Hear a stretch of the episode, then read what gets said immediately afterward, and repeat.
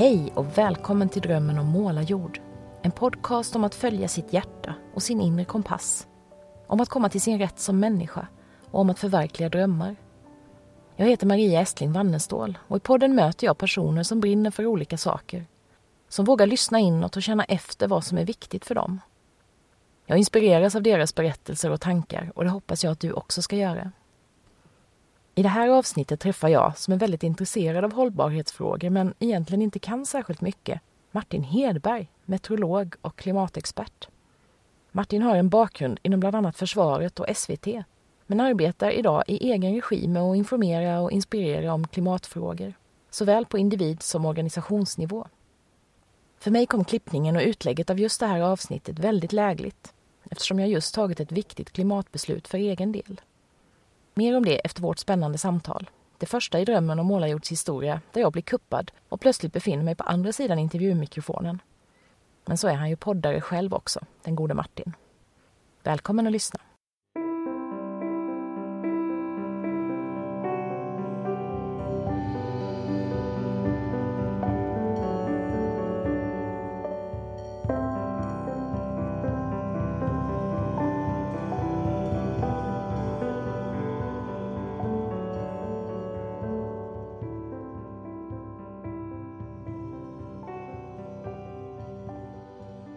Martin, hej! Hej! Jag är lite rädd för dig. Jaså? Det är lika Oj. bra att erkänna det från början. För här sitter jag ju med en expert på allt möjligt.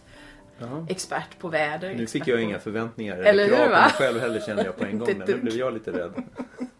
Nej, men du är ju väldigt duktig på så må- många olika saker. Då började jag fundera lite grann. Är du perfektionist och har du alltid varit det? Oj, oj, oj. Det känns jobbigt att ta på sig en sån titel. Men jag vill nog att det ska vara ganska bra när jag gör någonting. Så Ja. vill jag nog det. Ja. Var kommer det ifrån då? Är det barndomen eller hur? Ehm, var du sån som barn också? jag har nog haft en liten tendens till att när jag väl liksom blir intresserad av någonting så nördar jag in mig på det. Mm. Så att eh, då vill jag liksom gräva ordentligt där. Ja. Absolut. Ja, just det.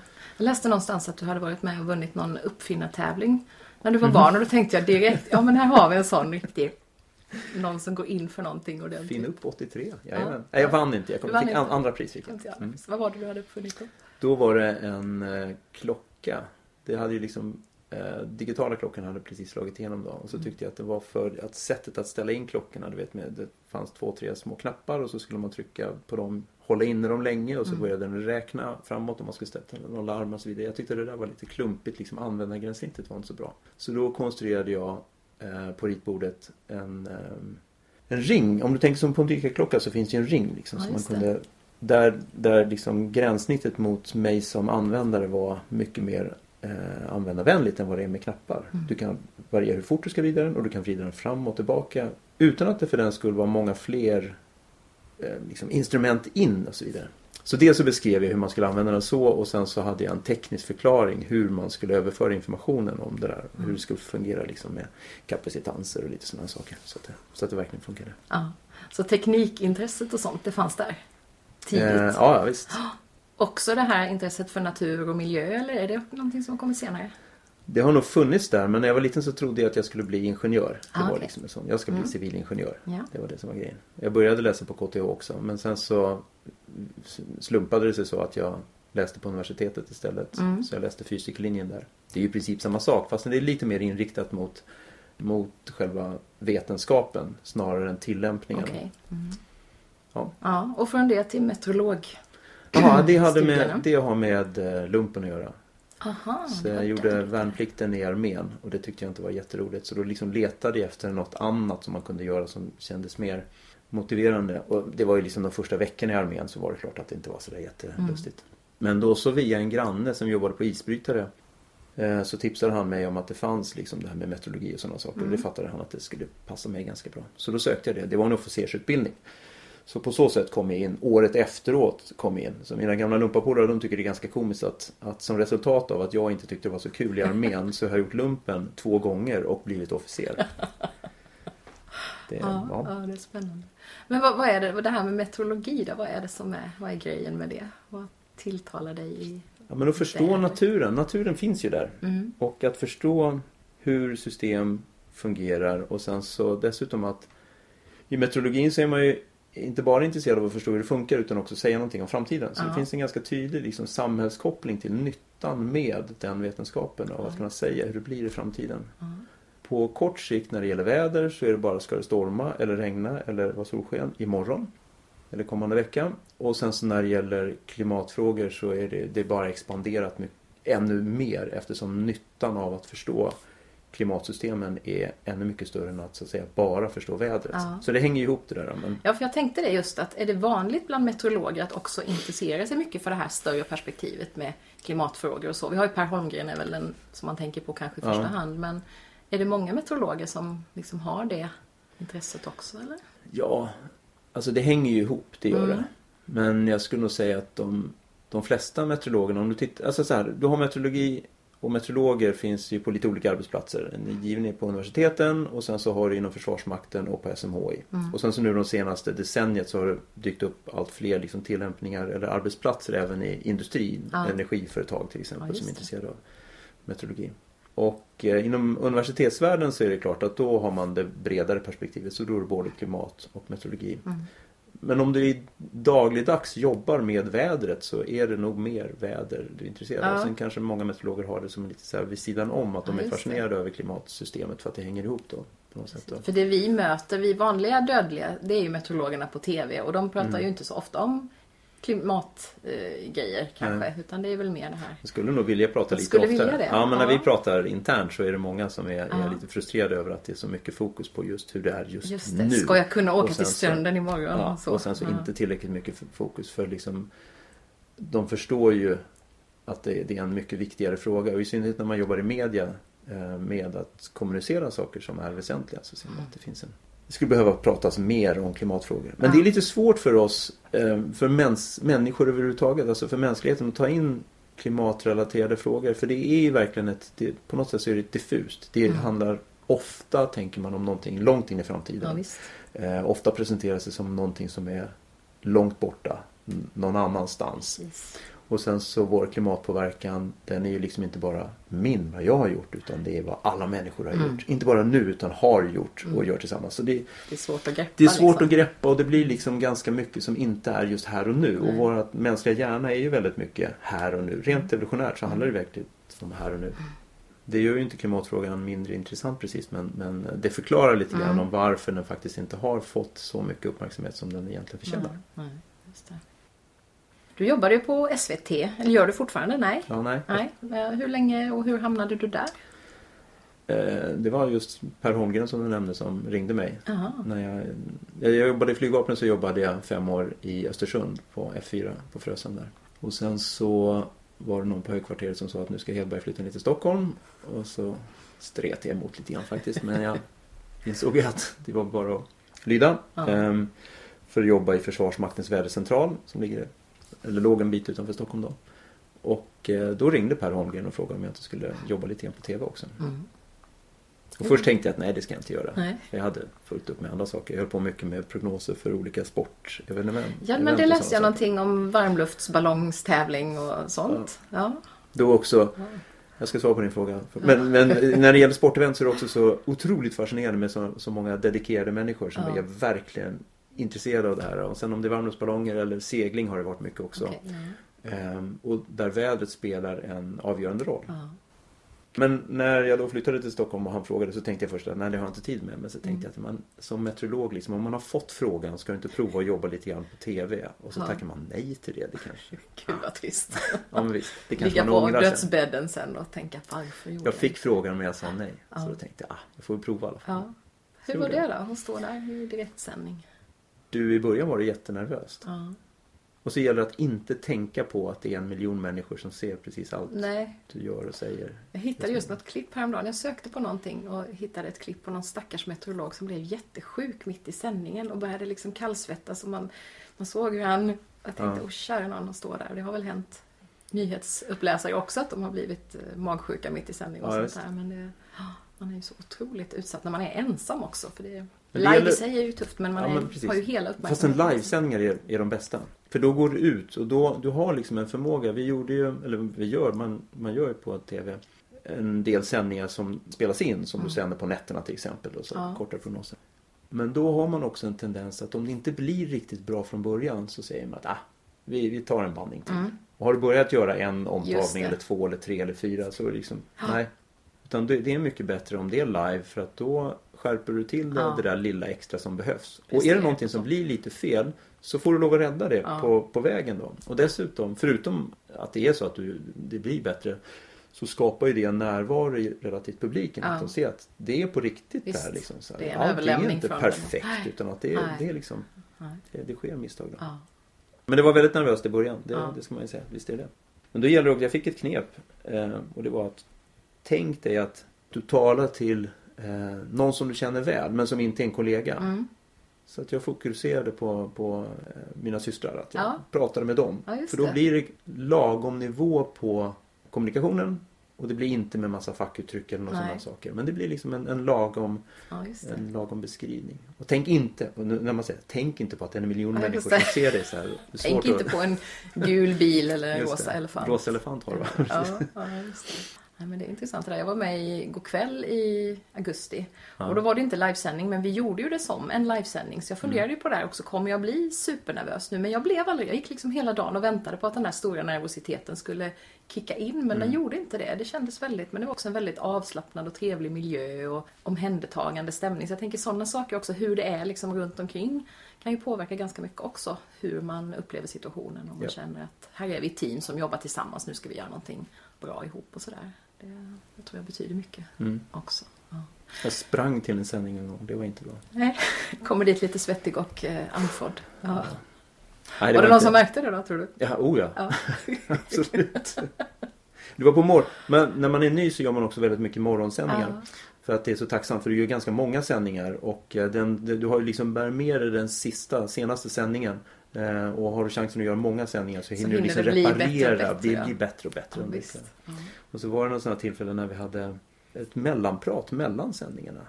Så då hade jag liksom kommit ur den här rytmen av att det var en halvtimme mellan varje sändning. Mm. Så jag hade gjort, det, var egentligen bara en kvart kvar. Så då hade jag gått upp och så skulle jag fixa någonting med, med grafiken och sånt där. Så ropade någon grafiker så här, Martin du är i sändning. Nej det är jag inte alls tänkte jag, jag sitter ju här. Och så insåg jag bara så här, men jag, måste, jag är ju i sändning. Så då sprang jag trappan ner genom korridoren och sen genom kontrollrummet och kände mig jätte så här, här fixar jag. Jag kände mig jättecool. Men då hade jag gjort den där tjurrusningen på, vad vet jag, 30-40 meter och sånt Ja, där. Så jag gled in där och började prata och kände det här går jättebra. Men sen behöver man andas. ja just det. Och så försöker jag andas och då, då Ja. kommer jag till den här. Ska jag nu flåsa ett par gånger här eller ska jag försöka prata och andas samtidigt? Och sen känner man hur svetten bryter fram i ansiktet. Ja, och så här, måste jag avsluta fort. Liksom. Ja. Det här går inte. Nej. Ja, det blir ju ett spring roligt inte till minne. sändningen. Spring Nej, inte till gör- Ett gott fix- tips till alla som tänker jobba med TV. Ja. Du träffade herr Polman också som ju är vår Ja, ja. nestor i detta. Ja, hur var det att jobba tillsammans med honom? Det är fantastiskt roligt att jobba med honom. Ja. Jag jobbar med honom med John efter SVT-tiden också.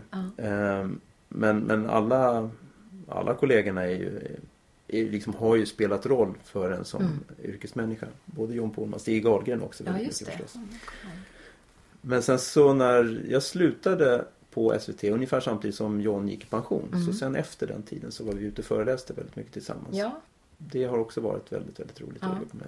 ja, men det måste ju vara roligt Mm. också just det där att vara i olika åldrar och med olika ja, men, erfarenheter. Och, När vi står på scen så har vi lite olika eh, uttryckssätt. Ja. jag kan tänka mig. John är väldigt Han vet precis vad han ska säga och vad han vill säga och han gör det i en lugn och liksom väldigt metodiskt så här, på ett pedagogiskt sätt. Han, han, han, ja men det är väldigt genomarbetat det han gör. Och det spelar, präglar också det sättet som han jobbade på. Ja. Han hade faktiskt ett, eh, vid vissa tillfällen vet jag att han använde ett stoppur på SVT för att räkna hur lång tid tar det att berätta de här sakerna. För Ja, du har en viss sändningstid Mm. på det då. Så jag och John har haft ganska roligt och vi upplevs då som ganska olika på scen. Eftersom jag då är mycket mer spontan. Ja. Och ibland så var det där eh, skapade det problem för oss när vi står på scen. För John ville liksom veta när jag satte i ordning bildspelet att nu ska han prata i fyra minuter och det är Mm. de här bilderna som han ska visa. Och sen så någon som räcker upp handen och frågar någonting då. Ja. Och då vill jag gärna, hela- ja men det sabbar ju liksom upplägget där vi har liksom strukturerat det här. Ja. Och då vill jag gärna svara på den frågan nu och inte efteråt. Men de där kontrasterna när Jo, saker och ting är det. olika. Det blir det, det, blir, det blir en sån dynamik Ja. och det är ganska tilltalande. Det är häftigt. Jag, jag jobbade mycket tillsammans med min eh, kompis Sara förut på scen också sådär då med föreläsningar. Och det, vi, har också, vi, har, vi är lika på vissa sätt men också olika. Och det fick vi just eh, kommentarer om att det var så kul att ha oss på scen för att vi gav olika energier liksom där. Mm. Och det, det blir ett häftigt samspel på något sätt. Och sen efter det så har du gått in på mer digitalt eh, väder då eller? För du jobbade med någon sajt, klart.se, det. vädersajt. Hur var det att gå från tv-ruta till... Alltså där kom det en stor skillnad. Jag kommer ihåg på SVT när webben kom och man skulle börja göra, spara saker och ting för att det skulle sändas i mobiltelefonerna Mm. precis den här övergången. Innan Ja. det fanns smartphone. Men när det började dyka upp grafiska, innan det fanns liksom Ja, det du fanns kunde innan surfa, när det fanns WAP-sidor Ah. som du kunde titta på saker och ting. Kommer du ihåg? Kommer du Nej, ihåg nej, ja, Nej. nej. jag missade nog Men det protokollet var liksom mittemellan sms-information och att du liksom har en grafisk display på riktigt på Ja. skärmarna. Så den övergången på SVT kommer jag ihåg. Och också hur, hur många människor där som jobbade på tekniksidan som såg det här komma och försökte liksom tala om för SVTs ledning om att det här är framtiden, Mm. internet i mobiltelefonerna. Eh, Men eh, de kämpade hårt liksom. Ja. Nu är det ju en självklarhet Ja, att visst. medieföretag jobbar framför allt digitalt Mm. och i synnerhet i mobiltelefoner, inte bara mot datorn. Mm. Men då var de här första, det var ju de som var hjältarna egentligen som insåg det här. Men de insåg det så tidigt så det Ja, hade men det är liksom inte slagit så. igenom i, Nej. i högre upp i hierarkierna. Ja. Så de ska ha lite upprättelse för det tycker jag. Eh, sajten klar.se, det var inte jag och John som hittade på den men det var, vi var liksom der, deras varumärken. Ja. Utan det var ett, eh, ett par entreprenörer som, hade, som gjorde en sån sajt, El Tiempo, i Spanien. Och sen så gjorde de en kopia på den här i Sverige och sen så behövde de någon som kunde liksom eh, företräda den. Mm. Så då kontaktade de mig och John för att eh, John skulle vara dess an, sajtens ansikte Mm. utåt. Mm. Så då var John det i ett år och sen så körde vi parallellt han och jag och sen så tog jag över efterhand. då. Men den finns inte kvar längre eller? Jo, den finns kvar som en sajt ja. och som, som en app. Då. Men Men, men, jag har, inte, jag har liksom aldrig ägt den eller något sånt där. Jag har mer bara varit dess företrädare i, i begynnelsen. Mm. Och idag då? Nu jobbar du med föreläsningar och Mm. som moderator och berätta lite om hur ser det jobbet ut nu? Ehm, nu handlar det ganska mycket om klimat och extremväder kan man säga. Ja. Så föreläsningar det startade mångt och mycket i samband med att jag och John var ute och föreläste om det i 2002, 3, 4 Mm. och så vidare. Och sen så när det gäller extremväder så håller jag på med någonting som eh, heter katastrofobligationer. Det Vad är låter, det? det, visst, varje gång jag säger katastrofobligationer så tycker jag det, det låter helt förfärligt. Får Är det det? Eller vad är det för något? Nej, det är inte så illa faktiskt. Men det är som en slags försäkring. Vi människor behöver skydd mot extrema händelser, jordbävningar, översvämningar, Mm. orkaner och sådana saker. Försäkringsbolagen är inte så stora så att de kan hantera de riktigt stora katastroferna. Då finns det återförsäkringsbolag som liksom försäkringsbolagen är försäkrade i. Aha. Men nu är det så att det finns händelser som är väldigt sällsynta, tack och lov. Men de här riktigt stora, liksom, som jordbävningen i, i Kalifornien Ja. 1906. Eller, Ja. liksom så här, Katrina, Sandy, det. de här riktigt stora orkanerna, riktigt stora jordbävningar. Mm. Som inte heller återförsäkras. Alltså försäkringsbranschen är för liten för att hantera sådana skador. nej precis. Det För försäkringsbranschen bygger ju lite grann på att det är inte så kraftiga Nej, det får eh, liksom inte hända händelser, för men de mycket. händer lite ofta Ja, så att det mm. blir liksom flöde igenom Mm. det. Men de där stora som bara händer vart hundrade år, de situationerna, då har man gjort ett värdepapper, en obligation av en katastrof. Och sen så vänder man sig till kapitalmarknaden istället. För Aha. där finns det väldigt mycket pengar och resurser. Så att eh, den här obligationen triggas om det blir en stor naturkatastrof. Och stor naturkatastrof är antingen att det kostar väldigt mycket eller att den uppnår, uppgår till en, en viss magnitud. En jordbävning eh, kategori 8 på Richterskalan. Ja. Eller en orkan där det blåser 80 meter per sekund under 6 timmar på den platsen. Ja, och de här människorna blir skadade. Eller som det finns med översvämningar i New Yorks tunnelbana om havsnivån stiger med mer än 4,20 utanför New York till följd av en tropisk cyklon som passerar. Så triggar de här sakerna. Mm. Och då används de här pengarna. Så då förlorar investeraren sina pengar. Då används de för återuppbyggnad av samhället. Mm.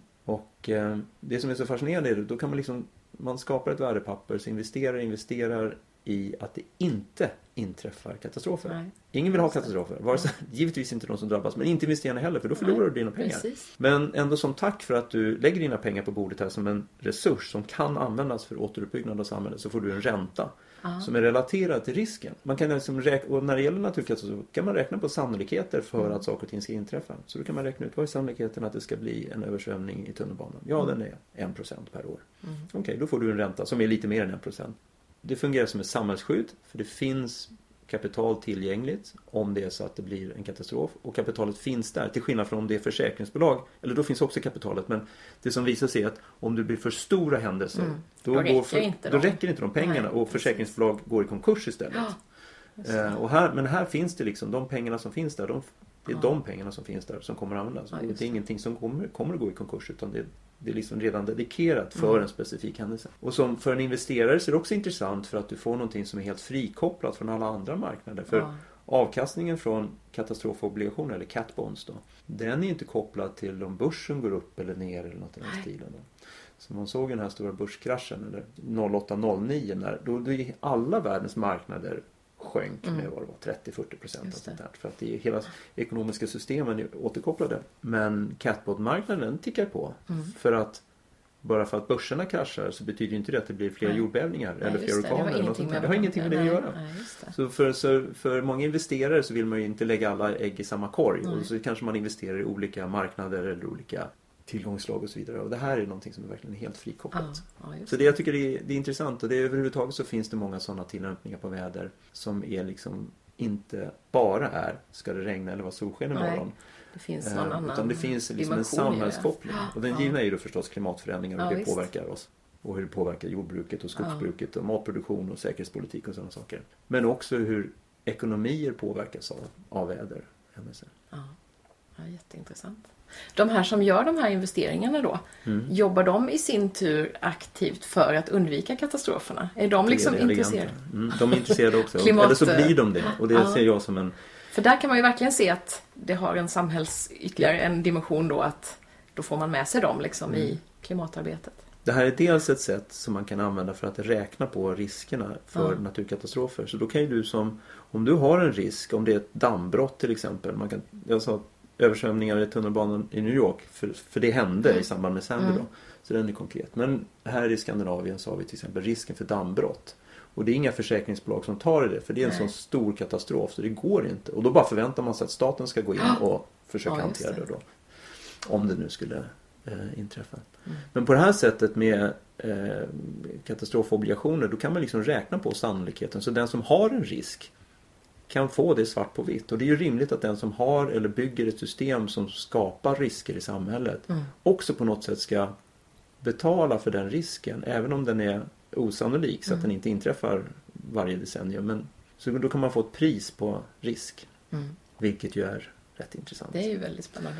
Så det är den ena grejen. Och den andra är som du säger också ur investerarsynvinkel då att eh, investerare vill gärna förstå den risken som de tar Ja. på sig. Och här ser jag det här som ett litet S i rockärmen att det går att kommunicera väder och klimatrelaterade frågor till kapitalmarknaden som Ja. annars lite grann tänker jag ser sig som att de inte riktigt har med naturen Nej, att göra. För de, det är liksom, vi håller bara på med investeringar. Precis. Det är liksom lite abstrakt och frikopplat från Ja. naturen. Men på det här sättet så är, är man ju liksom, din investering är Världen beroende blir, kommer av lite närmare på något det sätt. blir nu orkanåret 2018. Ja, visst. 2017 visade sig vara ett ganska intensivt orkanår. Ja. Varför var det så intensivt? Jo, det har med El Niño att göra och det har med havsströmmar att göra och det har med klimatförändringar att göra Ja, och att vattnet i Atlanten är varmare nu än vad det var i fjol. Det har ju massa sådana där intressanta fysikaliska saker som har med naturen att göra ja, som därmed blir intressant Ja. för, för andra som kanske tänker att de inte påverkar. Nej. Men alltså investeringar påverkar ju jättemycket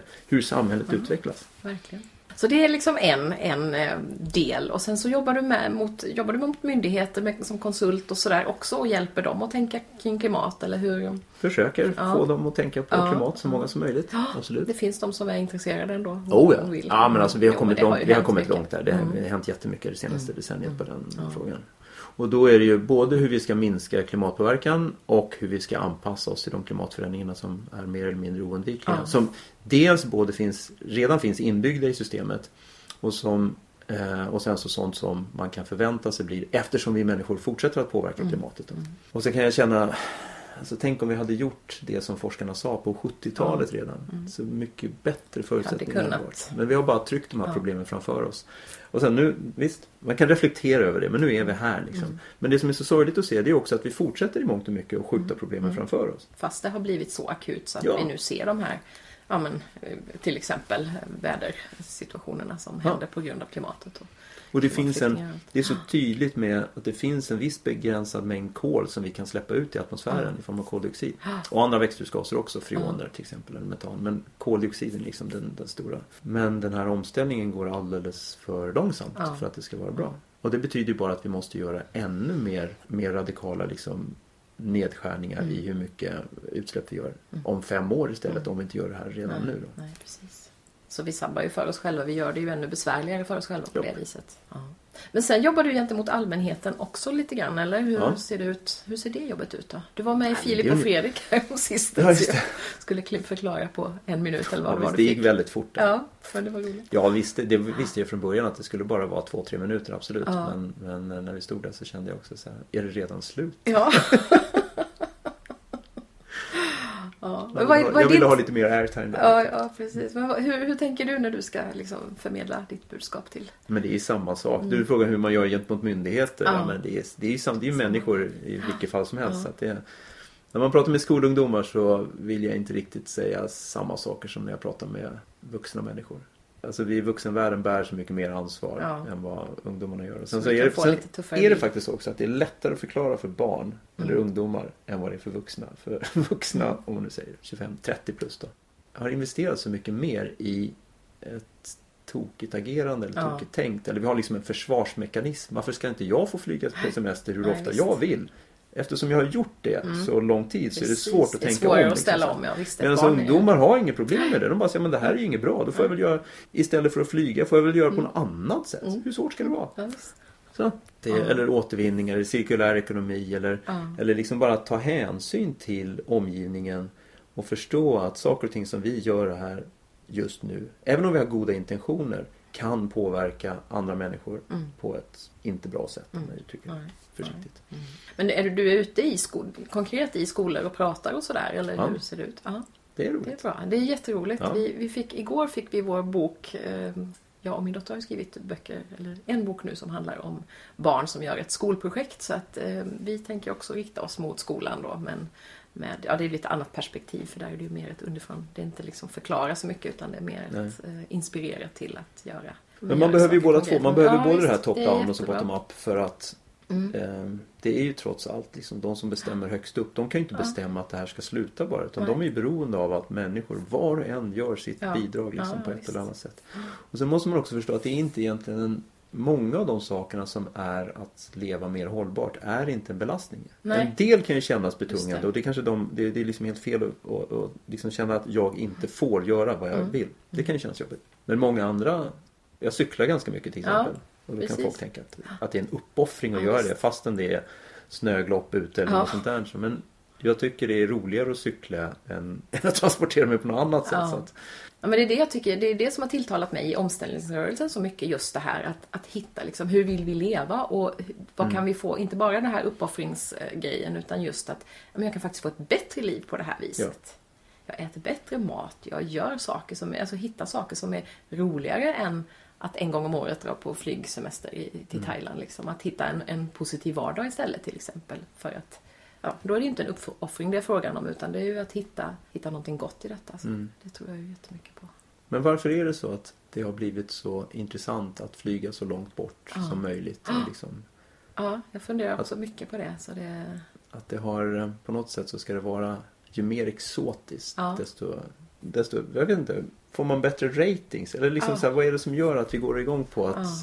checka av det där? Ja, jag undrar det också. Jag menar, och jag tror ju mycket på resande i sig, att möta, komma till andra platser och möta människor från hela världen. Men det kan ju göras på så olika sätt. Alltså Mm. det, det behöver ju inte innebära att man tar flyget till Thailand och ligger på stranden. Sen, jag är definitivt inte oskyldig. Jag har gjort det också yngre dagar. Men nu tänker jag ju igenom det på ett helt annat sätt och försöker liksom...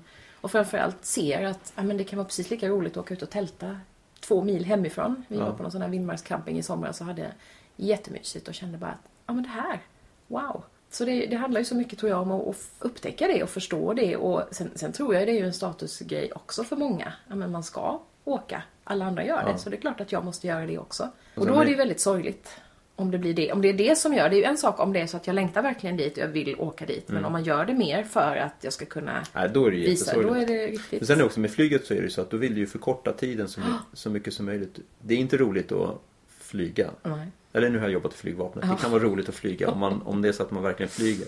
Den roligaste flygen det har man om man håller på med segelflyg eller skärmflyg Ja, eller men du får vara lite mer Då är det nära liksom, man är ja. jättemycket mer Ja, närmare. visst. Och det är ju verkligen flyga på samma villkor som, som en patetisk variant av hur En fåglar fågel. fly, Ja, men flyger. Och det, den känslan Men får ändå. du aldrig som i ett Det är mycket mer på riktigt och det är mycket mer på riktigt om du Ja, gör visst. fel eller om du gör rätt om du, om du håller på med skärmflyg eller hängflyg eller segelflyg. Men om, om man tar den här flygindustrin som sådan så vill ju minimera tiden som det är som för själva flygresan Ja, tar. Och visst. tiden på flygplatsen är inte heller jätteskojsigt. Så då handlar ju allting om att minimera tiden. Och det där har satt sig så hårt i oss tror jag. Så att om du längtar till en annan, annan plats så har vi liksom inbyggt i oss att resan ska vara så kort som möjligt. För att det, det, det är ingen rolig upplevelse Nej. i sig liksom, utan du vill ju bara spendera tiden där framme. Men om du reser dit på ett annat sätt. Om du, Mm. om du sen åker tåg eller cyklar eller vandrar eller något i den stilen. Då är det ju inte så att resan är Nej. värdelös om du ska Nej, precis, minimera. då utan då är, du då är det en ja. bit av Ja, sakerna. Du ja, ser visst. saker och ting på vägen dit och du pratar med människor som du möter och som du reser med och så vidare. Men den här liksom idén om att resan ska restiden ska förkortas så mycket som möjligt, den har ju satt sig. Så då är det klart att om du, om du då säger att jag ska åka tåg. Ja, men hur lång tid tar inte det? Mm. Säger folk. Liksom. Jo, men det kanske är en poäng att det gör det faktiskt. Det blir en del av Mm. upplevelsen. En annan eh, fundering jag haft kring det här det är också det här att vi ska, alltså man ska maximera på något vis. Det är det här, den där veckan eller de där veckorna om året som Mm. man åker iväg. Det är då man är lycklig på något vis. Så lever man hela året i någon slags eh, Mm. elände och sen så ska man ha de där två veckorna i Thailand. Och det är också en så sorglig tanke att det är det som ska kompensera för allt det där andra istället då för att försöka ja, men, skaffa sig en vardag som är så pass trevlig så man inte måste längta till Thailand Nej. hela tiden. Det jobbar jag ju jättemycket med. Det är ju det mycket hack på Thailand här tycker jag. Ja, det är mycket hack på Thailand och jag ska verkligen inte klaga för jag har både varit där och har en dotter som åker dit för att hennes pappa bor där och så. Men, nej men överhuvudtaget det här liksom att, att leva för den där korta semestern eller helgen. Alltså, det är ju det som hela den här podden handlar om egentligen. Att hitta ett liv som är så pass bra så att man inte hela tiden måste längta någon annanstans. utan Nej, det är väldigt trivas att du, längtar, där att du måste längta någon annanstans. Att du inte hittar det där ja, i i dig själv och i närheten. Sen kan man ju säga att nu har ju, är ju vi liksom väldigt förmånligt att, att kunna säga så. För Ja. det finns nog väldigt många människor som har anledning, anledning att längta någon annanstans. Absolut. Men jag, har, jag känner ju igen det från omgivningen. Ja, men så fort sommaren är över så börjar man längta till nästa sommar och, och så. Och det, Mm. det är ju många som jag tycker har ett bra liv. De har valt själva men de har liksom på något Men vis gör du det? hela tiden. Jo, Längtar du till nästa sommar? Nej, jag gör aldrig det. Nej, jag menar det. Eller ja, det jag vet ju inte så- jag. Men det känns nej. som att det varje årstid har ju sin charm. det Ja, är det som är så precis. Det är Eller fantastiskt. Jag tycker Ja. att det är fantastiskt Ja, när man har växt det. upp här och ser att det är... Och just att vi har åtminstone fyra rejäla årstider. Ja, det är fantastiskt. Det är fint. jättehäftigt. Och sen är det ju lite att det har blivit lite utsuddat, i alla fall där jag bor. För där blir det ju sällan någon riktig vinter numera. Eller Mm. det har varit det för några år sedan, men nu var det väldigt länge sedan. Så jag var i Dalarna i förrgår och fick se massa snö. Det var ju Mm. jättehärligt. Nej men just det där att man hela tiden men även de som jag tycker är liksom välutbildade, har bra jobb men ändå på något sätt, sätt alltid längtar efter ledigheten. Mm. Och det tycker jag är lite... Då, mm, då tycker jag då har man ändå man har ändå möjligheten att göra val i Men de det är ju så att vi lägena. sitter fast för mycket i det här arbetet. Att du, är, du jobbar dina åtta timmar. Kanske åt någon annan utan att du liksom riktigt sympatiserar eller inser varför Ja. den här verksamheten finns eller vad, vad outputen är. Utan du gör din bit i det sammanhanget. och sen så när du är ledig på kvällar och helger och sen när du äntligen får semester. Då ska du göra Mm. Då de ska här du göra sakerna. allt det där. Ja. Jag tror ju att i alla fall många, många fler skulle kunna få in mer av det. Mm. I, i, Men då är man inne på omställning. Hur stort är Mm. omställning då? Om man säger omställning. Det är klart att det är. Det är ju på jättemånga olika plan Mm. ja, visst. som du kan det finns så om. många sätt, ja. ja visst. Många tänker förstås på det- den liksom rent fysiska. Att man ska flytta någon annanstans Ja. och börja leva närmare naturen Ja, eller vad det kan ja, vara för någonting. Då. Eller för den delen flytta in till stan och leva det, den sortens liv. Det finns men ju också. visst. Men det går ju att göra det på så många olika sätt och det går att göra ganska, man kan skruva ganska lite ibland. Och ändå få en ganska stor effekt, tänker jag. Mm. Vad är målet då? Vad är målet? Ja, När du säger få en stor effekt Ja, på, men jag vad, vad vill du få effekt på? Det ska väl handla om att jag trivs så pass bra med livet så att jag inte alltid bara längtar bort ifrån där jag är. Det kan vara professionellt att förändra yrkeslivet men det kan ju också handla om relationer, det kan handla om hur vi, ja, men hur vi lever tillsammans med andra människor. Och det finns så många, det finns många knappar att skruva på tänker jag. Hur hittar du dem? Var... Okej. Hur får du först en idé om att du ska ställa om? Och hur, hur resonerar du sen när du tänker på vad ska jag göra för att åstadkomma det här? Är, det så du tänker eller? Ja men jag, ja, men jag tror att jag inspirerar, jag, jag hör ju ofta någon, eh, jag lyssnar mycket på poddar till exempel. Mm. Och så hör jag någon som har, ja, men som har gjort något som inte jag har gjort än. Och så tänker jag, började, började liksom väcka en tanke, ja men det där kanske jag, och jag kanske inte kan göra precis det men jag kanske gör, kan göra någonting åt det hållet.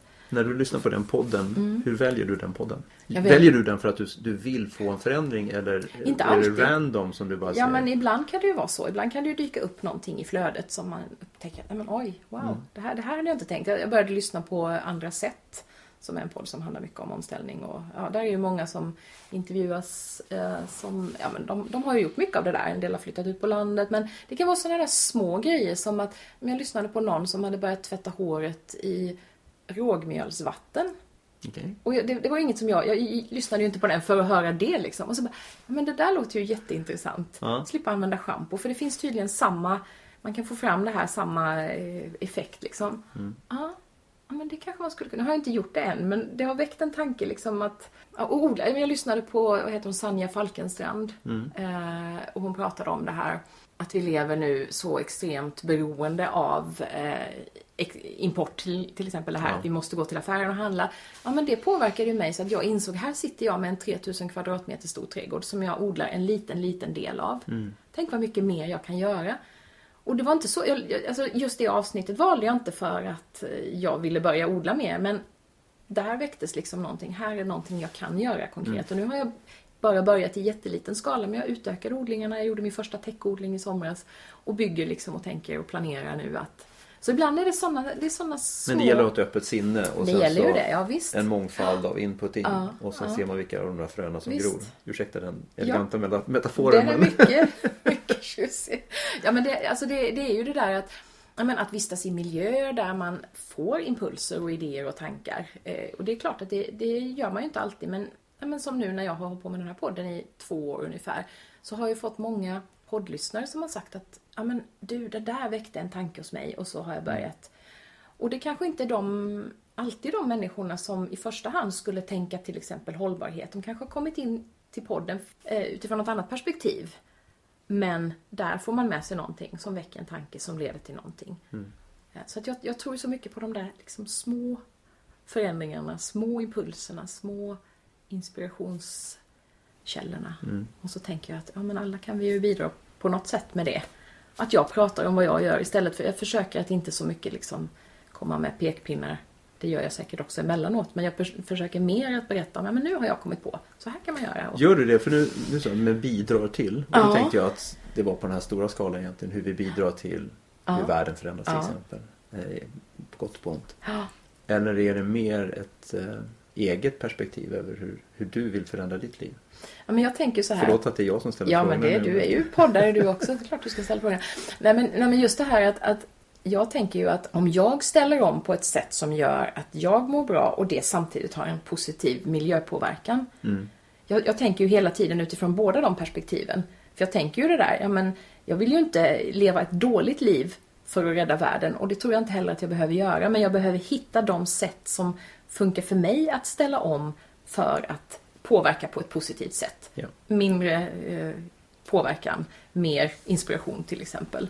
Eh, så det är nog så jag, jag försöker. Jag försöker leva så. Jag försöker leva och mer och mer liksom ta till mig saker och sen försöka genom hur jag lever inspirera andra. Men eh, jag vet inte Det om det är låter rätt som en sätt. strategi det- tycker jag. Ja, men det låter väl extremt Ja. rimligt. Och det är ganska intressant för den strategin hade jag inte när jag började med podden. Att det skulle, att det skulle ha liksom något sånt ytterligare tydligt Nej. syfte. Men det har liksom växt fram under de här två åren. Att det har blivit mer och mer så att jag tror på det här att ju bättre jag eh, får koll på mitt eget liv, lever mer medvetet, Är det mer därför du närvarande. gör podden? Ja, nu är, det, nu Mm. är det det. Och då tänker jag att då blir det också en kan man leva mer så så kan man också bli en godare kraft och det har Ja. ringar på vattnet och allt det här. Så att, eh, det, och det tycker jag är väldigt spännande. När man startar en podd eller vad det nu kan tänkas vara. Det kan vara något helt annat, en YouTube-kanal eller Mm. skriven bara. Det är inte alltid det där första som är det som, det kan hända ganska mycket under resans gång. Ja. Bryr du dig om hur många det är som lyssnar på podden? Ehm, Det är klart att det är ju jätteroligt om det är många som lyssnar, för då har jag ju större möjlighet att påverka. Men jag kan ju känna att det är viktigare att det är rätt människor, alltså det är människor som faktiskt lyssnar och tar till sig Ja. någonting. Och det har jag ju märkt när jag får mail från lyssnare som berättar att nej men hörde du, nu håller jag på att förändra hela mitt liv här och det är tack vare din podd. Och det är ju, då kan det ju räcka att det är en enda människa som säger så för att jag ska känna att ja men det är meningsfullt att göra det. Förutom att jag tycker det är skitkul att få komma hem till folk och prata om Jo men man behöver någon saker, slags tröskel över. Men jag håller Ja, med. Man behöver en ja. tröskel över. Man vet att man gör det här för någon annan. Eh, sen om, om hur många det spelar mindre roll. Men Ja. du behöver den där det är lite grann som direktsändning som vi var på. Det Ja. behöver vara någon anspänning. Alltså det Ja. behöver spela roll vad man Ja, gör för att man ska så. göra det på ett, på ett sånt sätt. Så att. Och sen samtidigt vill jag inte fastna i det här att jag gör det bara för någon annans skull. Att jag liksom gör avkall på hur jag vill ha det för att behaga någon annan. Nej. Det är jätteviktigt för mig för jag måste ju tycka att det här är roligt och meningsfullt och intressant. Så det, det finns en sån aspekt i det också. Liksom. Vad är det som skiljer ditt och mitt samtal nu jämfört med om vi fikar om en halvtimme och bandspelaren inte är på? Ja, det är jätteintressant. Ofta är det ju så att när man stänger av så fortsätter man Ja. och pratar vidare och det är inte så stor skillnad kanske. Nu är det väl så att jag har lite förberedda frågor eh, som jag vill ha svar på, men eh, som du nog nu sabbade totalt här. Nej, det var jättekul. Nej, men eh, alltså jag känner ju det. Det var, mycket, det var också en grej jag hade med mig från eh, när jag startade podden. Att jag har ju lett samtalscirklar nu ganska länge till exempel. Jag har ingått i sådana sammanhang. Jag har mycket vänner där vi pratar om sådana här saker. Och de där samtalen går jag alltid ifrån med en sån här ah, wow, liksom upplyft, inspirerad känsla. Så egentligen var det väl så att jag ville bara fortsätta göra det här fast jag tänkte att jag kan ju bli inspirerad av att lyssna på någon annan. Då kanske någon kan bli inspirerad av att lyssna på när jag pratar med någon. Så egentligen är det nog inte jättestor skillnad mot många av de samtal som jag eh, för med människor. Jag har tänkt det ganska många gånger när jag har suttit i en sån här poddinspelningssituation att mm, ja, men det där, det var ju det som vi pratade om nu i ett annat sammanhang tidigare. Vad tycker du? För nu, nu kan vi ju fint och snyggt göra en liten övergång här då, du som har jobbat på SVT med fina övergångar från nyheter till världen. En övergång till din podd. Hur tänker du kring din podd? Beyond one degree. Beyond one degree. Är de samtalen väldigt olika jämfört med sådana som du skulle föra Jag har, inte gjort, jag har gjort en tiondel så många som du har. Så att Ja, men du har gjort några samma- stycken ändå. Ja, men jag har gjort några stycken. Ja. Ehm, min eh, tanke där är att hitta ett sätt att kommunicera ut den kunskapen som finns. Och det är också ett sätt att få de här, alltså inte bara att, vad ska jag säga? Det finns ju så fantastiskt mycket när det gäller just när det gäller vetenskap och entreprenörer. Entreprenörer i sig är ganska bra på att driva kommunikation själva. Mm. Men jag ser att framförallt på forskarsidan så finns det så fantastiskt mycket kunskap och det fin- finns också så väldigt många dedikerade människor. Mm. Så när det gäller bara kunskapen så har jag jobbat med det i vad det blir, 10-15 år med att Mm. kommunicera. Så jag läser vetenskapliga artiklar och böcker och sådana saker och sen så gör jag en presentation eller en grafisk framställning Mm. och sen så tycker jag att det är fantastiskt roligt att stå på scen. Mm. När jag var liten var jag blyg. Det känns som det var länge Det är sedan. långt borta. Mm. Ja. Lite blyg är jag fortfarande. Ja. Men eh, jag ville verkligen inte synas och märkas. Nej. Och en gång när jag gick i femman så skulle jag vara konferencier på julavslutningen något i den Ja. stilen. Det- Det kändes som straffet liksom, att få den där att jag blev utpekad av fröken till att Martin du ska, du ska liksom vara konferencier för den här kvällen. Ja. Jättejobbigt. Ja, det har du Men det gick kommit över. Ja. Ja. Nej men det finns så mycket vetenskap, det finns så mycket Precis. kunnande och det finns så mycket liksom förstånd och förståelse för hur saker och ting fungerar. Och det känns värdefullt att kommunicera det och också att kunna brygga över för väldigt mycket vetenskap är ju liksom i stuprör. Mm. Eh, Men att kunna liksom göra kopplingar eller inspirera publiken eller åhörarna till att göra de där kopplingarna genom att prata om klimatsystemet eller prata om resiliens eller jordbruk eller skogsbruk eller samhällsproblem eller hälsoaspekter eh, eller geopolitik eller filosofi eller historik. Liksom. Det finns ju jättemånga intressanta kopplingar att göra. Och så förhoppningsvis så kan jag kommunicera någonting av det som andra människor har läst och lärt sig och skrivit ner. Och eh, förhoppningsvis så kan jag liksom inspirera andra till att bidra till förändring. Eh, Så det är när det gäller att- att hålla föredrag. Men genom att hålla podden så får man ju dessutom med den här forskaren eller entreprenörens egen berättelse om varför han eller Mm. hon gör de här Mm. sakerna. Precis. Och eh, det liksom lägger till ett extra lager på den här informationen. Och han eller hon blir ju också lite grann, eftersom det är en liten anspänning Ja. att sitta och veta att det spelas in och det kommer att sändas. Så, så, så den personen man intervjuar kommer ju också att tänka mer på kommunikationen kring Ja. de här frågorna.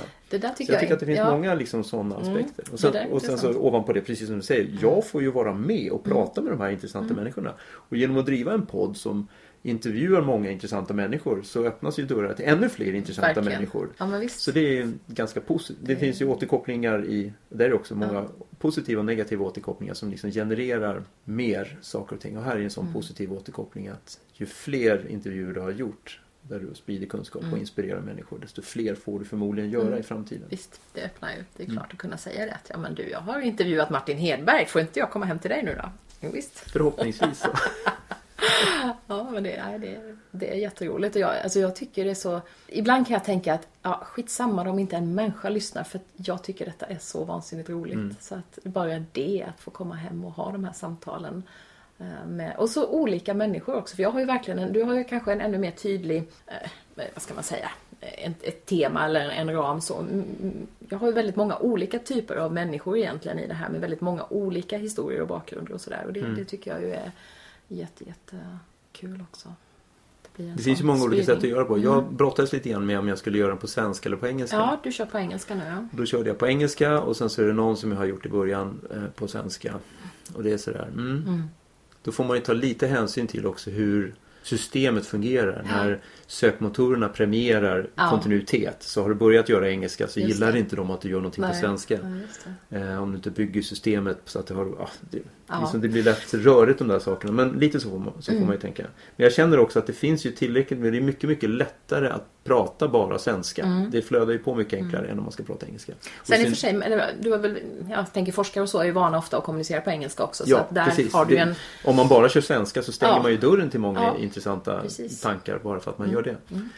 Eh, Men ibland har jag tänkt att man kanske skulle göra det på svenska och sen så ibland på engelska. Mm, Men som jag har gjort som du gjorde två då, stycken precis. då. Jag gjorde med Rob och jag har gjort med en, en brasiliansk tjej också tidigare. Så. Ja. Men sen är det ju inte värre än att man kan starta fler. Man kan ju ha två, man kan Ja. ju ha en systerpodd. Precis. Så, visst, finns Och så kanske vinklar på resans gång så upptäcker man att ja men okej det här är ett bra spår men nu vill jag göra någonting annat som pratar om andra saker och då Ja. gör vi någonting Ja. vid sidan om där också. Ja men det, det är kul och man kan göra saker. Jag har pratat om att göra någonting tillsammans med min dotter med kanske ännu mer fokus på kreativitet eftersom det är någonting som vi delar intresse för och sådär. Mm. Så att det, mm, det föder ju, och bara det att man har gjort det, kommit igång och gjort det här nu så, så blir det ju motståndet mot att göra det en annan gång i, en, ett annat sammanhang blir så mycket lägre för att Ja. ja. men nu har man lärt sig det.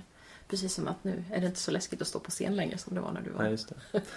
men du, det där var jag nyfiken på. Det hade jag faktiskt en fråga om det här med den extroverta, introverta sidan. För det känner jag att jag har också väldigt tydligt. Jag tycker också det är skitroligt att stå på scen. Jag tycker det är roligt att vara med i sådana sammanhang. Eh, och så har jag också med åren blivit allt mer, eh, känt allt mer att jag har sånt behov av att få vara för mig själv och ensam i naturen och liksom så. Har du också den här dubbla liksom, eller skulle du kunna stå på scen dag ut och dag in? Verkligen inte. Nej. Nej men jag har ett ganska stort behov av att vara själv, tänka själv. Men det, är, det går nog att kombinera de två Mm. varianterna. Det tycker jag. Mm. Jag tycker det är häftigt att känna att jag kan tanka. För det kom ju någon bok för några år sedan eh, där man pratar mycket om liksom var alltså en extrovert person hämtar sin energi från sociala sammanhang. En mer introvert hämtar mer energi i ensamhet. Och jag kan känna att jag hämtar energi i båda de där väldigt Mm. tydligt. Och det tror jag många av oss är någonstans mitt emellan. Men att jag också så tydligt kan känna att jag kan bli jätte energifylld av ett socialt sammanhang där jag får. Men jag kan också bli extremt trött. Och jag känner det tydligare nu, att jag blir tröttare. Jag, jag menar, jag jobbade ju inom universitetsvärlden och föreläste dagarna i ända tidigare. Och då hade jag mycket mer ork för att stå där på scenen och vara den där. Och det känner jag nu att nu måste jag liksom spara mig. Jag kan inte ha sådana grejer hela tiden för då blir jag alldeles för Nu sa du ensam. Där, det är ju en annan sak. Om man är själv, det kan man ju vara. Men ensam är en, ligger en värdering i. Ja, så precis. det är inte riktigt om man bara ska... Men ibland har man kanske behov av att vara ensam också. Men just den där mångfalden tycker jag är, är berikande. Att Mm. eh, det är inte bara ett. Och så är det ju med allt egentligen. Mm. Att du behöver de här kontrasterna. Vare sig det är årstider eller det är hur, mycket, hur många människor det är som du har Precis. runt omkring dig just Mm. nu. Då. Mm. Så kan jag känna att när man, när man, man ska inte använda ordet man då. När jag står på scen. Mm. Så är det en, det som är lite fascinerande. Dels är det verkligen direktsändning. Mm.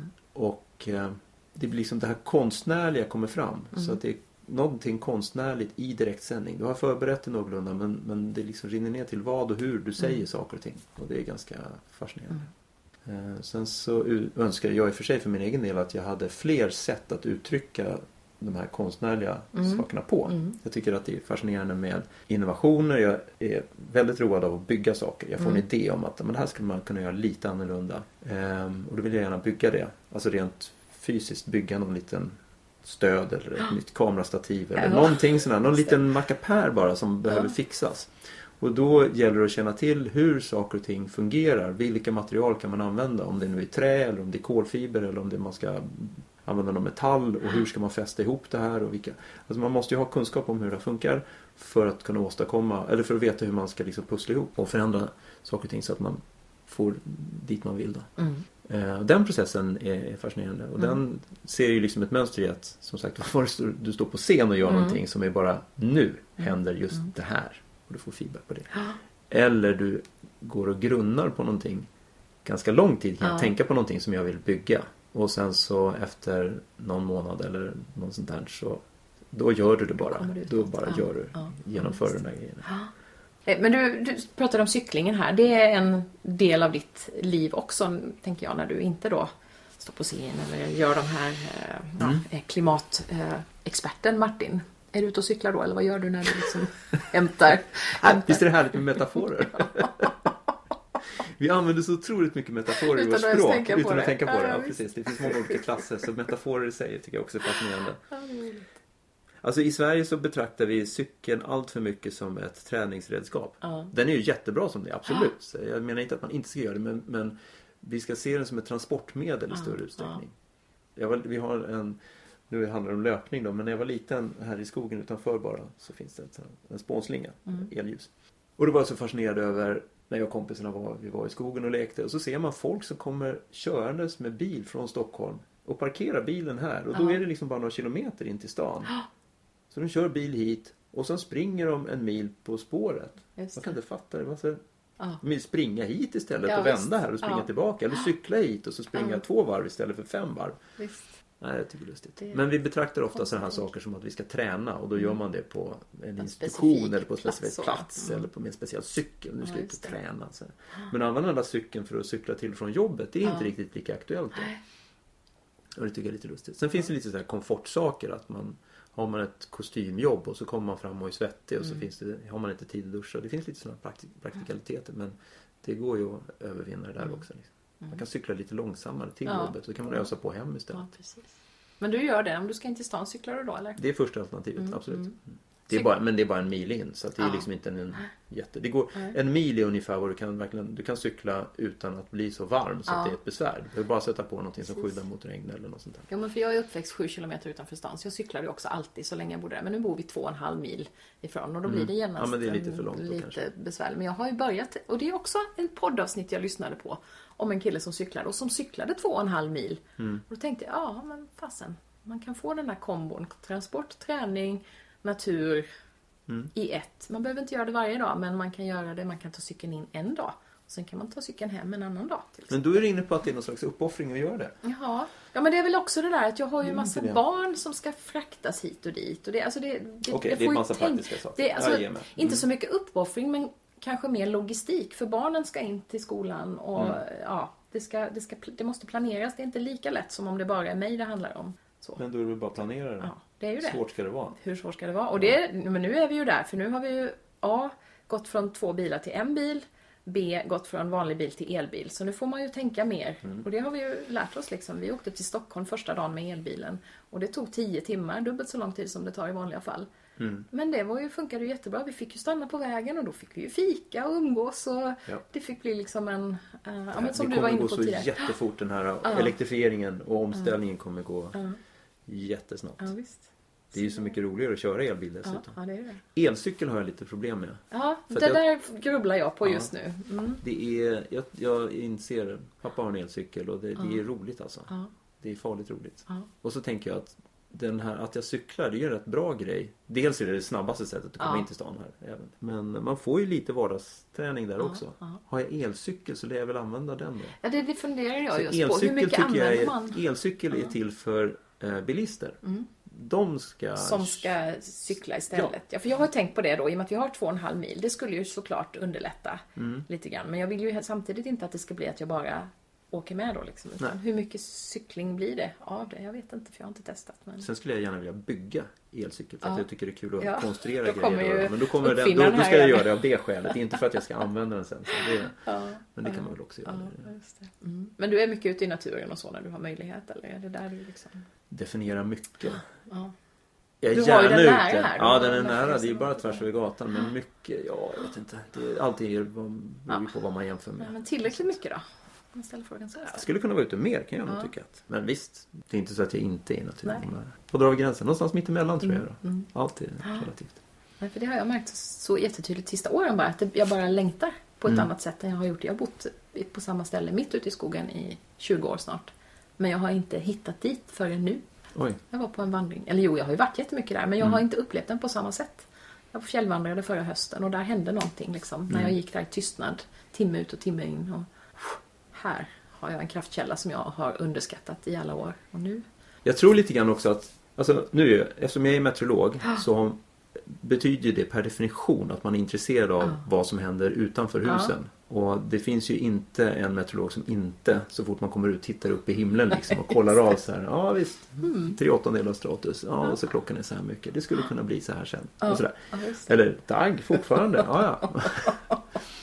Eh, Så så är det ju att man, man ser som vilken yrkeskategori som helst har väl de Ja. men jag, jag tycker just den här tillämpningen, jag tänkte nästan komma tillbaka till det, till, till olika transportmedel. Att utnyttja naturen. Ah, Det är lätt fel. Nej, inte att utnyttja, för det gör vi alldeles för mycket.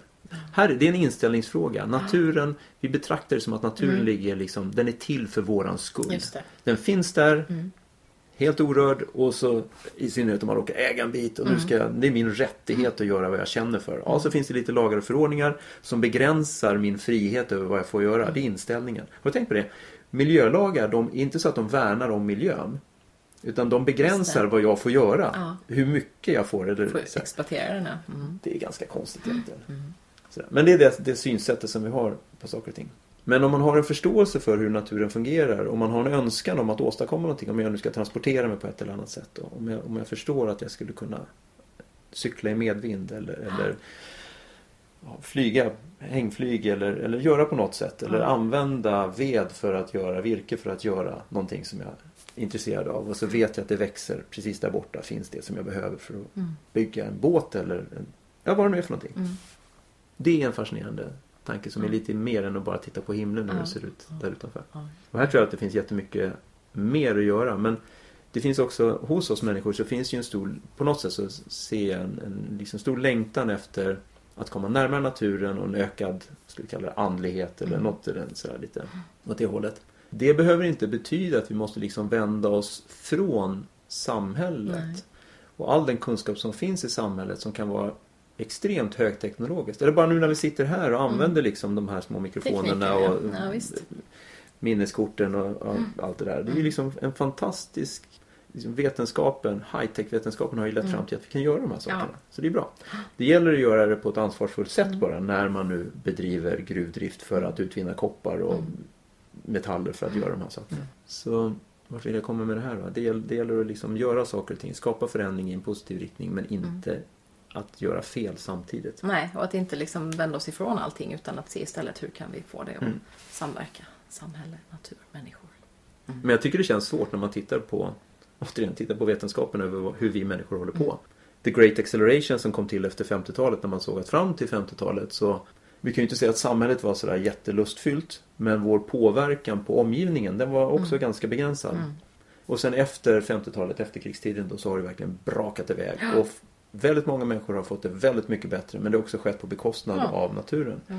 Och man kan dels lägga liksom den moraliska aspekten av att vi våldför oss på naturen och omgivningen. Men man kan också ha ett helt eh, liksom, egocentriskt perspektiv och bara inse att det här funkar inte Mm. hur länge som helst. Nej. Du kan inte ha exponentiell tillväxt i oändligheten. Och det är liksom det är så. Det är I, så. inom fysiken och biologin så är det så här. Det går inte att ha det.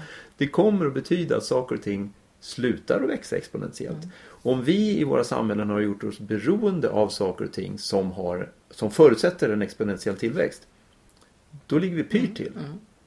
Och den insikten tycker jag saknas i Mm. mångt och mycket i samhällena. Utan många liksom slår an på den här över att det, det är vårt moraliska ansvar att göra det ena och det andra eller sluta göra ditten och datten. Och det, Mm. det håller jag verkligen med om. Men det är på något sätt som att diskussionen inte riktigt räcker till för att även se den, de problemen som, som finns i Mm.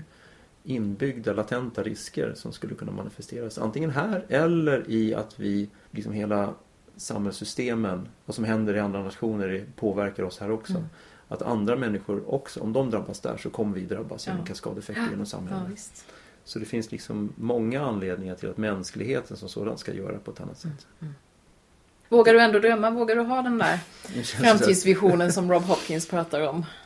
Han är ju otroligt inspirerande Ja, i förmågan att se liksom så här, eh, möjligheterna i att göra saker och ting lite Ja. bättre. Det är imponerande. Ja.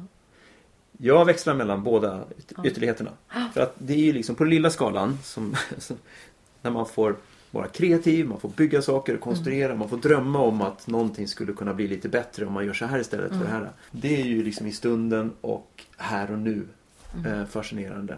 Och sen så när man tittar på hela systemet utifrån så känns det inte alltid Nej. riktigt lika Nej. hoppfullt för att Nej. man ser de här problemen tornar upp sig i horisonten på ett sätt som inte, som man bara frågar sig hur sjutton ska mänskligheten hantera de här frågorna? Jag vet inte. Sen kan det ju vara så att jag inte har förstått tillräckligt mycket för att förstå att det där som ser ut som ett stort hot, det kanske inte är det egentligen. Å andra sidan om man tittar på The Great Acceleration och alla de liksom miljöproblemen som vi människor skapar så är det, de är ju så många. Så även om man har om, om, om jag har missförstått Visst. eller om vetenskapen har fel på hälften av dem så, är det den andra det halvan kvar till, i alla fall. Ja, Liksom, ja, och så, så mycket som inte pratas om. Om man tar koldioxid och liksom klimatpåverkan som sådan. Det, som, det pratas nästan ingenting om havens försurning. Nej. Och det är också ett gigantiskt Mm. problem i sammanhanget. Ja. Och hur det här påverkar ekosystemen och hur det Mm. sen har påverkan på vår livsmedelsproduktion och påverkan på, på liv i sig. i haven. Nej, det är många spännande, Ja, ja, fascinerande det finns problem. många utmaningar. Om vi ska avsluta den här podd, eh, eller det här poddsamtalet on a positive note då. Vad ska hur ska vi avsluta den tycker du? Det känns som vi behöver vända det här nu. Det var så jag tänkte. Mina barn eh, går på en skola som eh, jobbar med hållbarhet just nu och då har de namnet på den heter Skutan har vänt, vem är det som styr? För de har Ah, bestämt bra. sig för att de ska fokusera på allt det bra som görs och utveckla det. Ja. Och det Men det är så här, vi, vi gör en massa bra saker. Eh, men vi måste sluta göra dåliga saker också. Förlåt, jag kan inte släppa det här Mm, riktigt. nej, det- Utan det, det räcker inte med att göra rätt och göra bra grejer. Utan vi, mänskligheten och individer då, eftersom det är individer som utgör mänskligheten, Mm. måste sluta göra fel. Och det där, sluta göra fel, känns Mm. ju jobbigt. Och där är man ju också på den, hur glad jag än blir när jag gör rätt saker och att Mm. jag kan känna tillfredsställelse över det. Så är det ändå så att om jag slutar göra fel så är det bra i sig. Men om Mm. du fortsätter göra fel så är liksom mitt sluta göra fel det, det tar ju udden av det i alla fall. För du fortsätter ju göra fel. Men där måste vi nog ha lite aktivt hopp då, tror du inte det? Ja. Ändå. Och det aktiva hoppet skulle möjligtvis kunna vara till exempel i att man ser att vi har passerat den här tipping points när, när det är billigare att, om man tar på energisidan, det är billigare att bygga solenergianläggningar. Om du sen, ja, det finns ju olika tekniker men att du använder solenergi i alla fall. Till och med bara solceller då. Än att bygga och utvinna kolkraft. Och jag är tvungen att ha med någon liten passus där också. Den gamla kolkraftsindustrin, de är liksom inte de har inte rutiner eller affärsmodeller för att bygga Nej. solceller. Så att där, och där har ju ske- skett ett enormt skifte inom bilindustrin. Då, där den gamla fossilbilindustrin liksom med diesel och Mm. bensinmotorerna. De har ju kunnat bygga elbilar lång tid egentligen. Mm. Eh, och sen så kom det stora genombrottet med Elon Musk och Tesla som bara gör en sportbil som Mm. Ja, visst, alla vill som ha. blir så och som blir så attraktiv, ja. så nu inser det finns ju inte en bilfabrikant med självaktning som, bara, som, som säger vi, vi tänker inte göra elbilar. Nej. Alla ska göra det Ja, nu. Eh, Men affärsmodellen är helt annorlunda. För gamla bensin och dieselbilar de bygger på att du säljer reservdelar.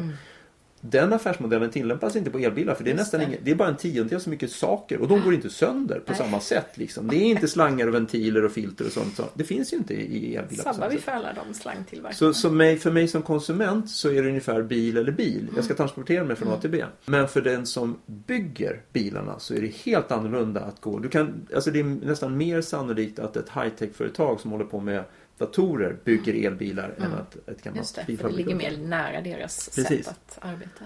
Ehm, och det här gör att... Ja, det var vi skulle sluta på ett positivt sätt. Det var det. Kanske får det sker en massa, tanken. men det sker en massa bra saker i massa bra världen. Det händer en massa bra också. saker och Ja. man, får, man får försöka se, Ja. se, de, se de positiva eh, och inte se för mycket av det negativa. Absolut inte. Men det, samtidigt är det en Ja, det är enorm drivkraft i. Man måste ha med sig det. För man kan Absolut. inte bara lägga dem åt sidan Nej. och säga så här. Om du bara äter lite mer morötter och drar ut batteriladdaren så ska du se att allting blir bra. Nej, Mm. Nej. det funkar inte så. Nej. För det krävs otroligt mycket mer. Och någonstans så kan jag också känna att man behöver vi behöver ha den där awareness om Mm. att det är på riktigt jättestora problem Mm. som, som finns där för att mänskligheten verkligen ska ta det. Vi började med att prata om, hade vi gjort rätt på 70-talet så hade det varit så mycket lättare idag. Vad var det för fel med, med liksom att energiomställningen på 70-talet som gjorde att nej, det var inget speciellt som vi hade kunnat göra det då, likväl som nu då. Ja, visst. Så vi behöver nog lite mer awareness om problemen också. Det får inte paralysera oss. Nej, det är för det. det är väl det det handlar om och det är väl det som, som Transition eh, jobbar så mycket med. Att liksom inte fastna i det. Nej. Att, att, att låta det paralysera oss så att vi därmed konstaterar att nej men det är ingen idé för jag kan ändå inte påverka någonting. Utan att se det och ta det istället som en drivkraft, en inspiration. Nu jädrar måste jag göra någonting radikalt här. Så att eh, kan vi inte ända om den positiva Ja, det noten kan då? vi göra. Det finns väldigt mycket, det finns väldigt mycket Det, att göra. det görs mycket bra också. Jajamensan. Ja. Och det finns mycket som, framförallt mycket för människan själv som gör att man, eh, man mår mycket bättre. Ja, och människor som mår bra, det är ju min tes. Människor som mår bra gör också bättre saker för världen. För att när du bara rusar på så hinner du inte tänka efter. Men om du stannar upp och känner efter och lär dig att ta hand om dig själv så kanske du också blir lite bättre på att ta hand om det som finns runt omkring. Tror jag. Vi säger så. Vi säger så. Tack så hemskt mycket Martin för att du ville Tack vara så med. jättemycket för att jag fick vara med.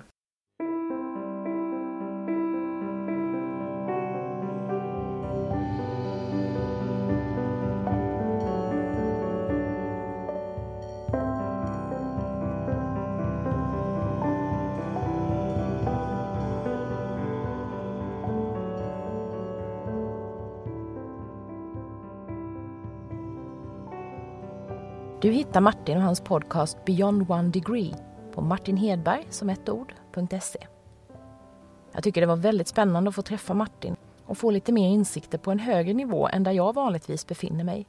Inte minst den koppling mellan väder, klimat och samhällsutveckling som vi pratar om. Att till exempel få finansmarknaden att engagera sig i klimatfrågan genom de så kallade catbonds som Martin berättar om. Sånt hade jag aldrig hört talas om tidigare.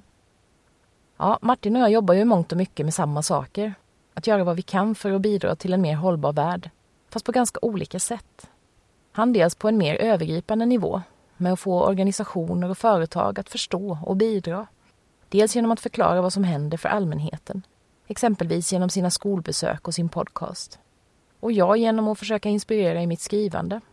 Som barnboken Lovis ansjovis och jorden som kom ut före jul och i boken Active Hope som jag och min dotter nu håller på att översätta. I podden och i min blogg där jag berättar om mina livsval och manar läsarna till att reflektera. Och som jag ser det behövs båda perspektiven lika mycket. Om vi ska ha minsta lilla chans att försöka räta upp den här skutan så måste vi göra genomgripande förändringar, både på samhälls och individnivå. Jag vet ju att många tänker att det inte spelar någon roll vad var och en gör, så länge inte de stora, viktiga politiska besluten tas. Men jag vägrar resonera på det sättet. Alla stora samhällsförändringar har ju börjat med att några få individer har engagerat sig.